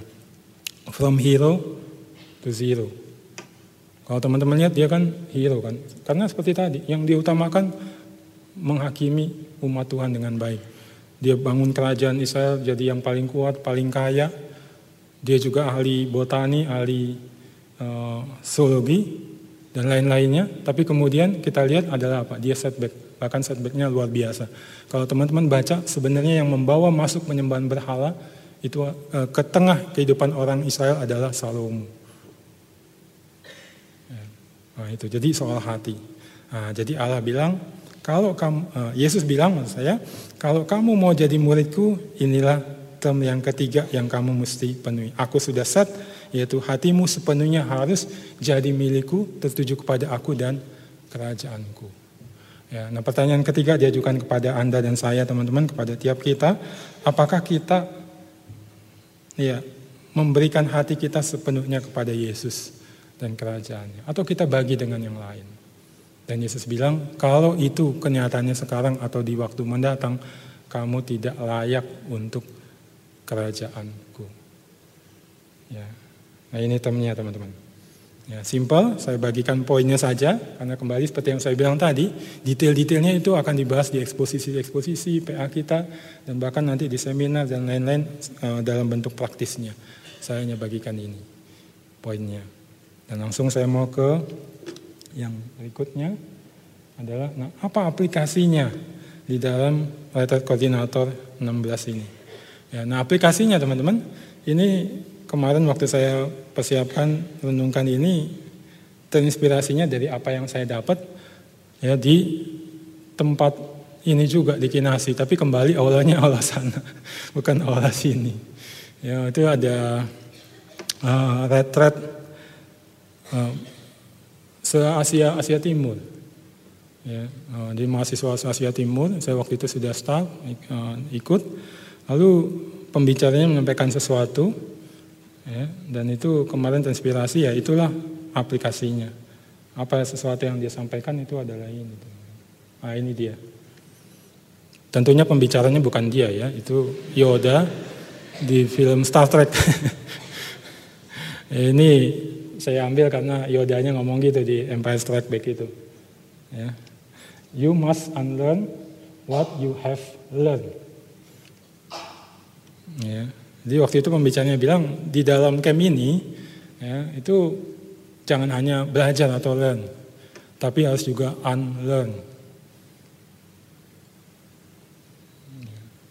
Unlearn itu mau apa? Ya bahasa Indonesia-nya nggak ada teman-teman saya cari-cari. itu kayak melepaskan apa yang sudah dipelajari kalau mau di langsung diterjemahkan gitu aja. Ya. Nah maksud unlearn artinya itu adalah seperti ini. Yeah. Discharge something learned, especially a bad habit or false or outdated information. Jadi membuang sesuatu yang dulu sudah pernah dipelajari, khususnya yang sudah menjadi uh, habit yang buruk, ya atau informasi pemahaman yang salah atau yang sudah nggak update lagi ya, sudah ketinggalan dari ingatan kita. Ya. Lalu kemudian yang berikutnya itu, ya. Yeah. To make an effort to forget your usual way of doing something so that you can learn a new and sometimes better way. Jadi buang. Dulu kita pernah belajar ini, lalu kita punya pemahaman, itu pemahaman yang kita dapat, kita terapkan sampai itu jadi habit, tapi jelas itu pemahaman yang salah, habitnya juga pasti salah, ya itu mesti dibuang dari ingatan kita ya sampai bangun habit yang baru. Itu yang kedua juga maksudnya gitu. Jadi melakukan satu usaha, lupakan ya cara-cara yang biasa kita lakukan sesuatu ya supaya kita belajar yang baru dan bahkan melakukannya dengan cara yang lebih baik lagi. Ya. Nah, ini ada yang lainnya saya tampilkan juga terkait dengan unlearn ini. Nah itu dia bilang, it is not hard to learn more. What is hard is to unlearn when you discover yourself wrong. Belajar itu kan gampang kan? Ya kayak retet ini, tinggal duduk gitu kan. Enak, ada uh, yang ngomong berjam-jam. Ya. Habis itu makan malam, ya, nanti ada yang ngomongin lagi, ngajarin lagi, dengar banyak, ya bahkan mungkin wow, ter, uh, apa terbakar berapi-api gitu ya. Terus besok juga terus sampai hari Minggu PA belajar ya dan lain-lain gampang. Tapi yang sulit adalah ini untuk unlearn itu. Ketika sudah menemukan kita salah. Pemahaman kita salah, habit kita salah atau cara kita melakukan sesuatu dan hal ini melakukan pemuri dan salah itu sulit. Ya. Lalu satu lagi, ini orang juga dari seorang yang berkata itu they who can no longer unlearn have lost the power to learn. Kita nggak punya daya atau kemampuan untuk belajar kalau kita tidak lagi melakukan unlearn ini. Ya. Nah, jadi aplikasinya apa? Ya, kalau yang saya sih simpel aja teman-teman. Jadi di dalam retret ini, mari kita learn and unlearn di retret 16 ini. Ya, jadi bukan hanya kita akan belajar tentang agenda pemuridan itu apa, termnya itu apa, ya, tapi kita juga lakukan unlearn. Kalau kita mungkin nanti ya uh, mungkin siapa tahu sekarang sudah mulai menemukan lalu nanti diperkuat di sesi-sesi berikutnya bahwa ternyata agendaku salah. Bagaimana aku memenuhi tem-temnya Yesus salah? Bagaimana aku mengerjakan pemuritan salah atau tidak seperti yang Yesus kehendaki sudah atau minimal sudah mulai menyimpang? Nah, mari lakukan unlearn ini. Ya, dan saya lihat inilah yang paling sulit Ya, saya masih ingat ya di tempat ini juga tahun 2012 kita bahkan adakan yang namanya retret kelompok kecil. Nah, cuma di dalam beberapa tahun aja terjadi semangat bahkan saya dan teman-teman staf melihat ada upaya nyata di banyak kampus untuk melakukan perubahan ya, meninggalkan hal-hal yang sudah diketahui disadari itu salah atau tidak baik kurang baik ya. tapi kemudian tahun berikutnya setback lagi. Ya. Sampai ya ini, RK ini temanya tentang pemuridan. Banyak yang nanya termasuk yang teman-teman panitia waktu saya aku uh, sharingin lalu kumpul rapat pertama saya kasih tahu akan bahas ini mereka tanya loh kok ini temanya bang apa bedanya dengan RKK RK ini gitu. itu karena memang ini teman-teman kami menemukan di banyak pemuridan kita atau di banyak persekutuan kita sudah set agenda yang lain, sudah set term-term yang lain. Dan Tuhan mau menyatakan lewat letter ini dan mulai dari opening ini, ini agendanya, ini termnya,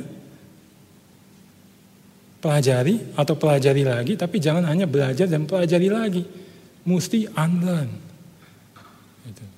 Jadi mari ya jadikan teman-teman setiap sesi eksposisi PA, seminar-seminar, ya bahkan mungkin percakapan kita, sharing di kamar, sharing di perjalanan, atau di mobil kalau masih hujan-hujanan lagi, nanti saya nyopirin lagi. ya, tadi saya sempat kepikir, wah ini istimewa banget peserta retret ini. Itu. Disopirin. Yang sopirin hamba Tuhan full time, itu mulai dari yang paling baru, Indra, sampai saya yang udah masuk senior, saya masih masuk tahun ke-14. Termasuk yang khotbah di sini, besok ke khotbah lagi, nyopirin kamu gitu istimewa ya. Dan saya pikir ya, kenapa Tuhan kasih yang istimewa? Karena dia mau benar-benar teman-teman learn and unlearn. Hal yang paling penting, yang paling utama yang dia sendiri sudah set agenda dan termnya.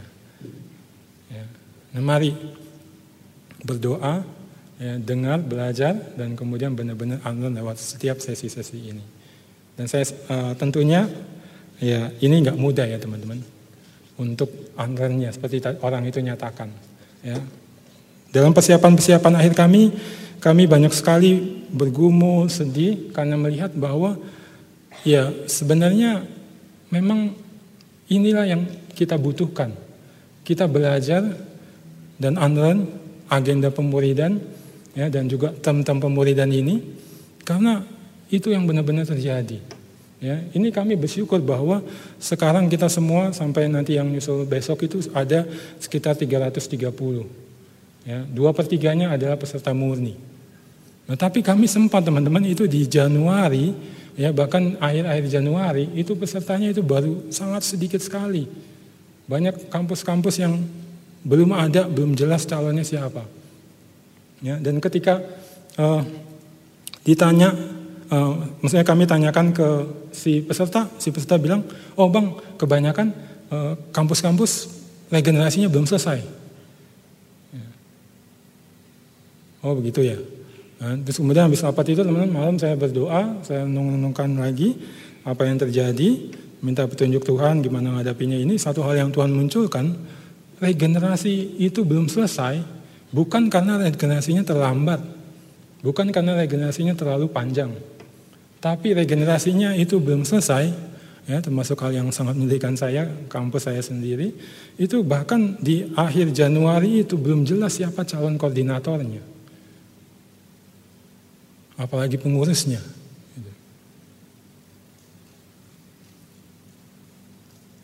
Dan kenapa belum ada yang mau jadi calon koordinator atau bisa jadikan calon koordinator? Itu dari sharing-sharing yang saya dapat dari penilik atau dari tim reknya, dari koordinator yang mau lengsernya, itu bahwa itu masalah-masalah ego itu.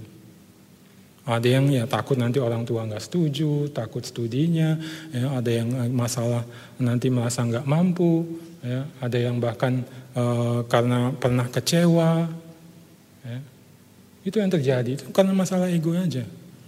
Ya, lalu kemudian di kampus yang nggak lagi regenerasi awal tahun, regenerasi tengah tahun, ya saya dengar juga dari salah satunya dari salah satu panitia bahwa kampus itu memang belum regenerasi, tapi saya sih lihat nggak jelasnya kenapa? Karena koordinatornya pergi menghilang. Kenapa pergi menghilang? Dia merasa tertekan katanya. Dan katanya kalau uh, dia merasa tertekan, biasanya memang dia menghilang demikian rupa.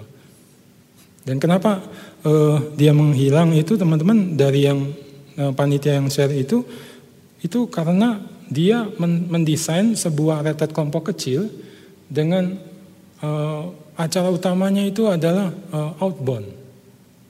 Itu bayangkan, retret kelompok kecil acara utamanya outbound.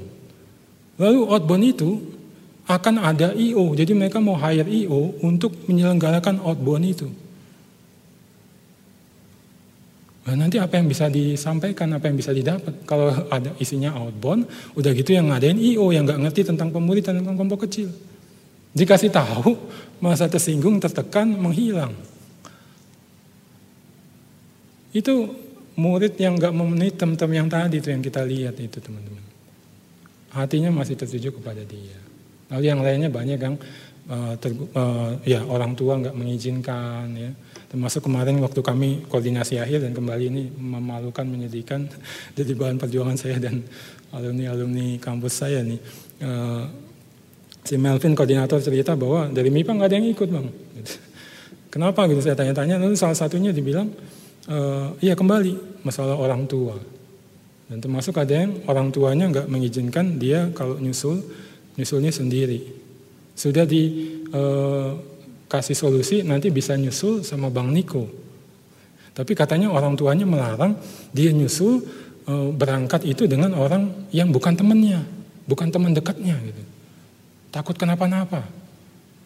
Ya, emang Bang Niko itu predator anak-anak atau apa gitu.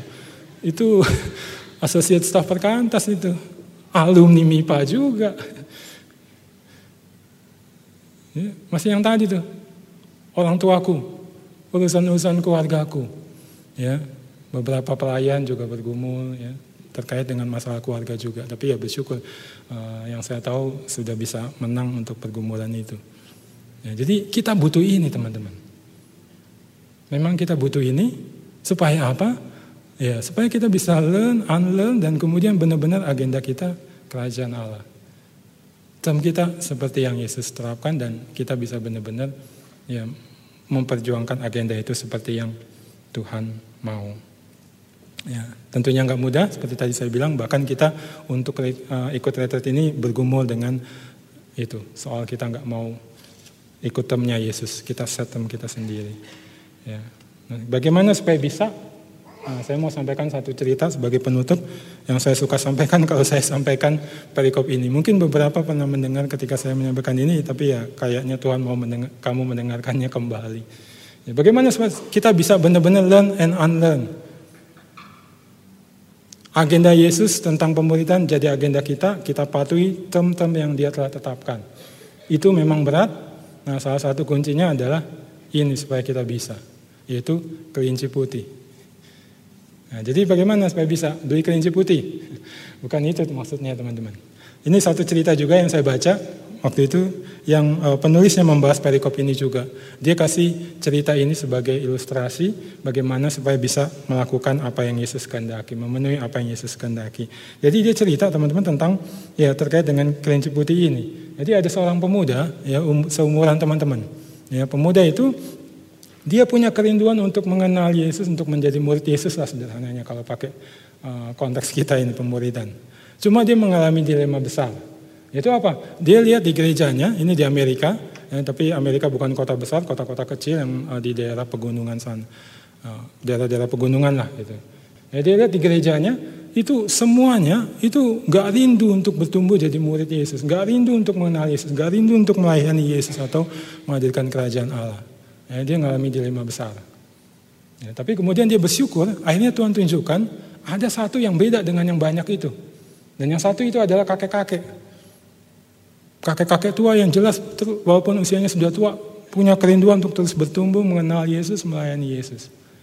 Ya, jadi kemudian dia terinspirasi, oh kalau begitu aku belajar meneladani kakek ini.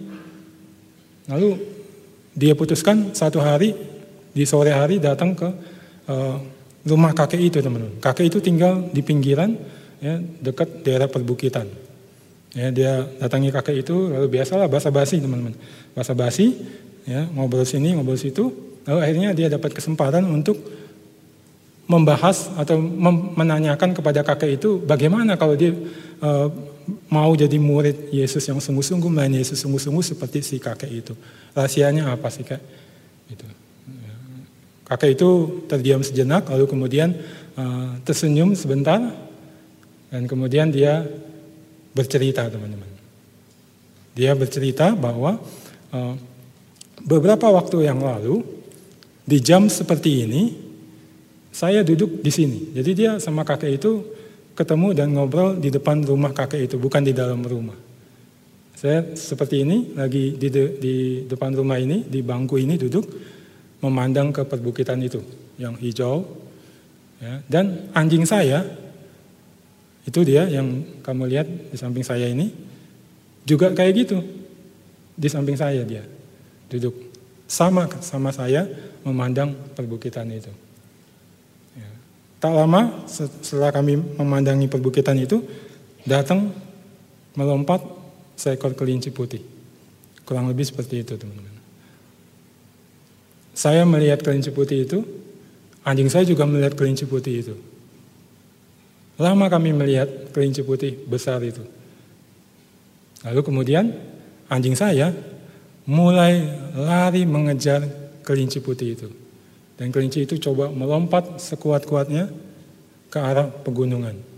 Anjing saya terus coba mengejar kelinci itu. Ya.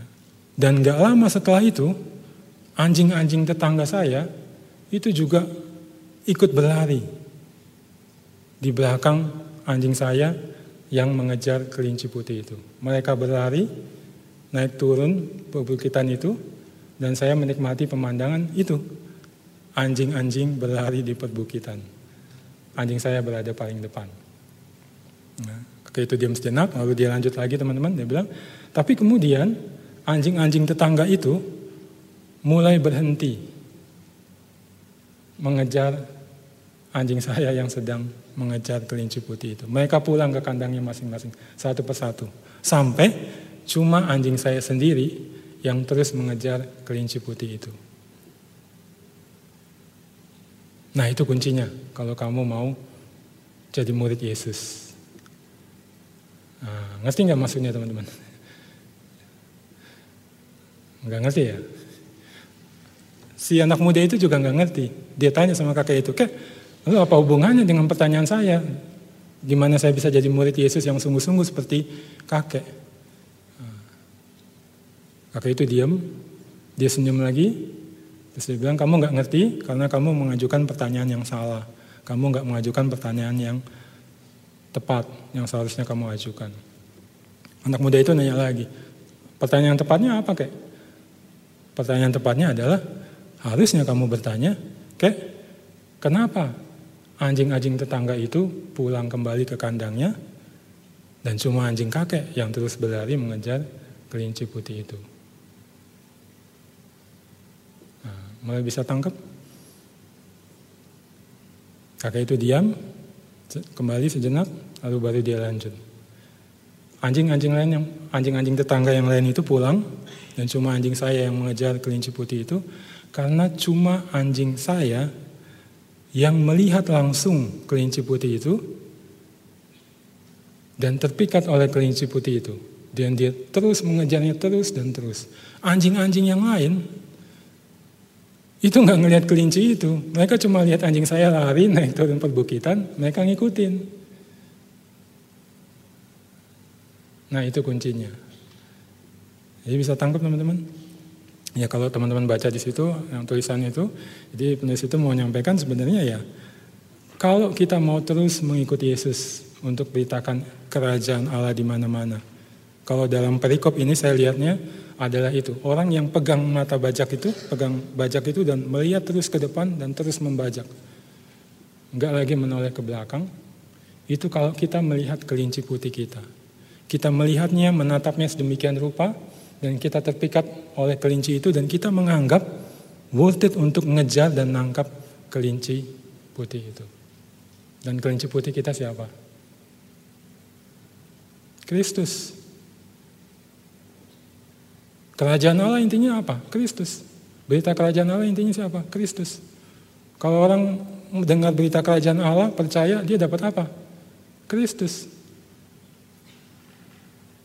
Nah, teman-teman, apakah Anda dan saya sudah terpikat sedemikian rupa? Dan tentunya sebelumnya, Anda dan saya menatap Kristus. Dalam artian benar-benar lihat Kristus, pandang Kristus, kenal Kristus, sampai melihat dia adalah pribadi yang worth it untuk kita kejar dalam tanda petik.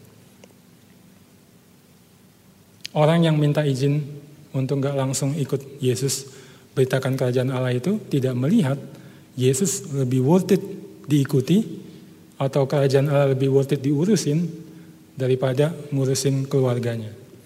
Daripada ngurusin kepentingan yang dianggap harus dia utamakan. Ya.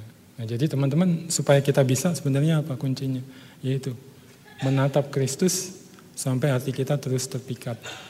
Ya, jadi intinya ya mengenal Kristus sang raja itu sehingga kita bisa melihat mengenali dia bahwa dia memang pribadi yang mulia hal mulia yang dia miliki dan dia bisa berikan kepada kita, kepada orang-orang yang kita layani dan orang-orang yang kepadanya kita beritakan kerajaan Allah ini.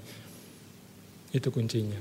Jadi saya harap di sini pun lewat eksposisi, lewat PA kelompok dan lain-lainnya kita juga bisa menikmati Kristus demikian rupa. Demikian juga lewat pemuritan yang kita lakukan, kita nikmati orang-orang yang kita muridkan nikmati Kristus supaya kita melihat worth it untuk terus ikut Kristus. Worth it untuk terus beritakan Injil kerajaan Allah. Atau worth it untuk terus pegang bajak dan lihat ke depan. Kenapa mesti lihat ke depan teman-teman? Karena sebenarnya di depan kita itu ada Kristus.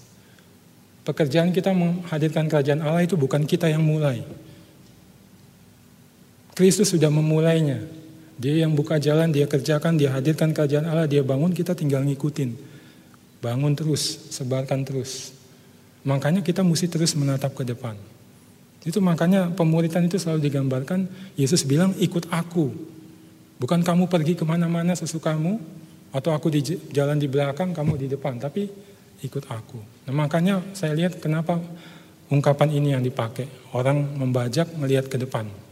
Supaya orang terus menatap ke Kristus, terpikat oleh Kristus dan kemudian ikut Kristus terus, beritakan terus kerajaannya. Nah, mari kita learn, unlearn hal ini juga. Mari kita berdoa. Bapak terima kasih untuk firman yang kami bisa pelajari dan kami syukur kalau bisa melihat secara sederhana dan jelas disampaikan bahwa Yesus sudah men-set agenda dari discipleship, men-set agenda pemuridan. Dan dia juga men-set term-termnya atau syarat dan ketentuan. Kalau kami mau jadi murid ataupun memuridkan demi menghadirkan atau membangun kerajaannya. Ya Tuhan kami sadari atau mungkin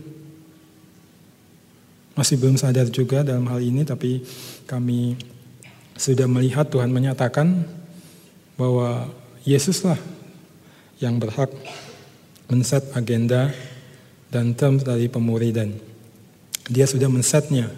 Dan kalau kami mau mengikut dia sebagai muridnya, dan juga ambil bagian memuridkan, berusaha dan berdoa menghadirkan kerajaanmu lewat pemuridan ini, kami harus ikut agendanya, kami harus ikut term-term yang dia telah tentukan, yang telah dia set ini. Ya Tuhan kami berdoa, Kiranya di dalam retret koordinator ke-16 ini, lewat setiap sesi yang ada, eksposisi, PA kelompok, small group, seminar-seminar, sampai kapsel-kapsel, bahkan percakapan-percakapan informal kami yang terjadi di dalam fellowship kami.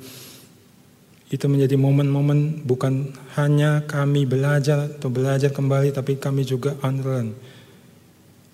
Agenda-agenda yang tidak sesuai dengan apa yang telah Yesus set dalam hal memuridkan ataupun juga unlearn term-term yang mungkin kami set sendiri, kami buat sendiri ketika kami tidak mau memenuhi term-term yang Yesus telah tentukan. Limpahkanlah kasih karuniamu untuk itu ya Tuhan. Dan di atas semua itu kami rindu, kami juga boleh terus menatap Kristus, menikmati Kristus, makin mengenal dia, makin terpikat oleh dia lewat setiap hal yang kami dengar, diberitakan disampaikan, didiskusikan, disharingkan di dalam sesi-sesi RK ini. Hingga kami bisa terpikat kepada Kristus dan menganggap dia yang paling utama, paling mulia, paling worth it untuk kami ikuti, paling worth it untuk kami uh, kerjakan, kami perjuangkan agendanya dan apa yang telah dia set sebagai term-term itu adalah term-term yang memang selayaknya kami patuhi, kami penuhi. Terima kasih untuk firman-Mu dan kami memohon kiranya Engkau terus limpahkan berkat-Mu ya Tuhan. Lewat sesi-sesi sehingga kami benar-benar bisa learn and unlearn. Kami membiarkan Yesus yang men-set agenda pemuridan kami. Kami membiarkan Yesus yang men-set term-termnya dan kami menaatinya. Terus menaatinya hingga kami benar-benar bisa menjadi murid-murid yang menghadirkan kerajaan Allah. Dan demikian pula orang-orang yang kami muridkan baik lewat kelompok kecil, lewat kelompok besar dalam peran kami sebagai koordinator, tim inti, seksi kelompok kecil, si acara, penilik, ataupun yang lainnya yang Tuhan akan berikan sekarang ataupun nanti. Kami benar-benar melakukan bagian kami di dalam hal itu. Menerima agenda yang Yesus beri dalam pemuritan, memperjuangkannya dengan anugerahmu, menaati tem-tem yang Yesus berikan, dan juga menjadi Allah Tuhan supaya orang-orang yang kami muridkan juga memiliki agenda yang sama, mematuhi menaati tem-tem yang sama sehingga Tuhan benar-benar bisa bekerja di dalam dan melalui pemuridan pemuridan kami untuk menghasilkan murid-murid Kristus yang membangun kerajaan Allah. Kingdom Building Disciple. Terima kasih ya Tuhan untuk firman-Mu dan teruslah limpahkan berkat-Mu lewat firman yang akan terus kami dengar kami pelajari dan mengajak kami untuk unlearn setiap hal yang memang tidak Tuhan kehendaki dalam kami memuridkan. Dalam nama Yesus kami berdoa. Amin. Seperti firman yang telah kita dengar tadi, mari kita kembali kepada panggilan untuk membangun kerajaan Allah. Mari kita responi panggilan Allah dengan menyerahkan seluruh aspek kehidupan kita. Biarkah kiranya hidup kita dapat dipakai sebagai batu-batu hidup yang menjadi dasar untuk membangun kerajaan Allah. Kita angkat pujian, jadikan aku batu hidup. dan seluruh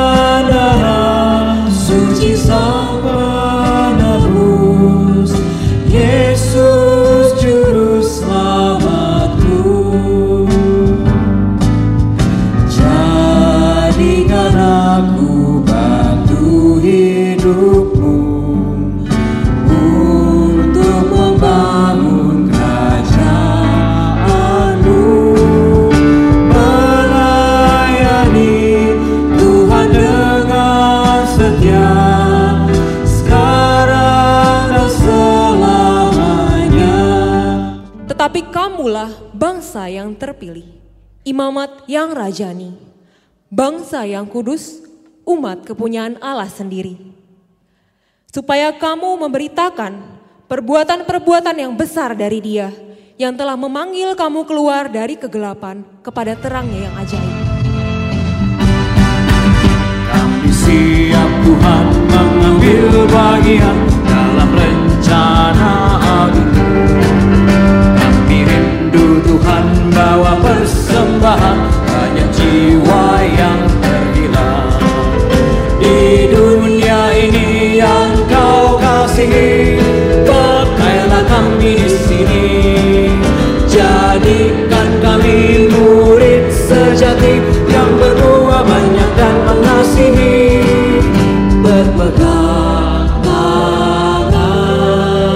Cabeção.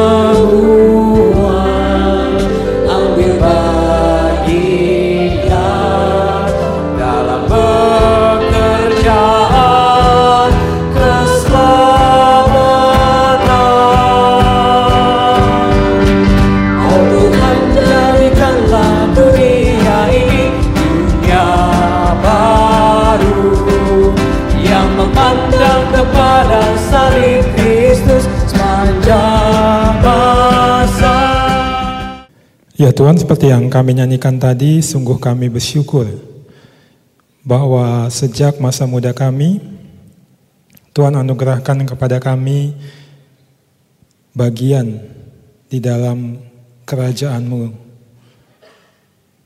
Bagian bahkan dalam membangun kerajaan-Mu.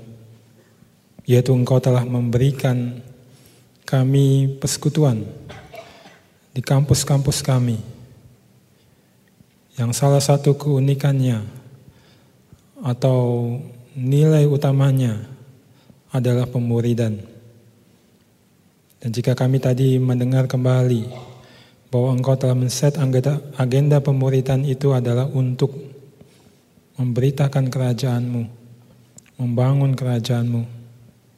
Ya Tuhan kami rindu Tuhan memberikan anugerah kembali bagi kami secara khusus dalam retret koordinator ini kesadaran penuh bahwa kalau anugerah itu diberikan kepada kami, itu adalah supaya kami menjadi murid-murid Kristus yang bukan saja bisa dan menikmati hidup sebagai warga kerajaan Allah, tapi juga menjadi murid-murid atau warga kerajaan Allah yang sungguh-sungguh membangun kerajaanmu. Mulai dari sekarang, di kampus, di tempat di mana kami hadir, dilayani dan melayani. Kami benar-benar bisa menjadi murid-murid Kristus yang warga kerajaan Allah dan sekaligus yang sungguh-sungguh memberikan hatinya, mengutamakan Kristus dan bahkan rela untuk menempuh jalan salib guna menghadirkan kerajaan Allah. Kembali kami memohon limpahkanlah itu ya Tuhan, biar kami makin menikmati hidup sebagai warga kerajaan Allah.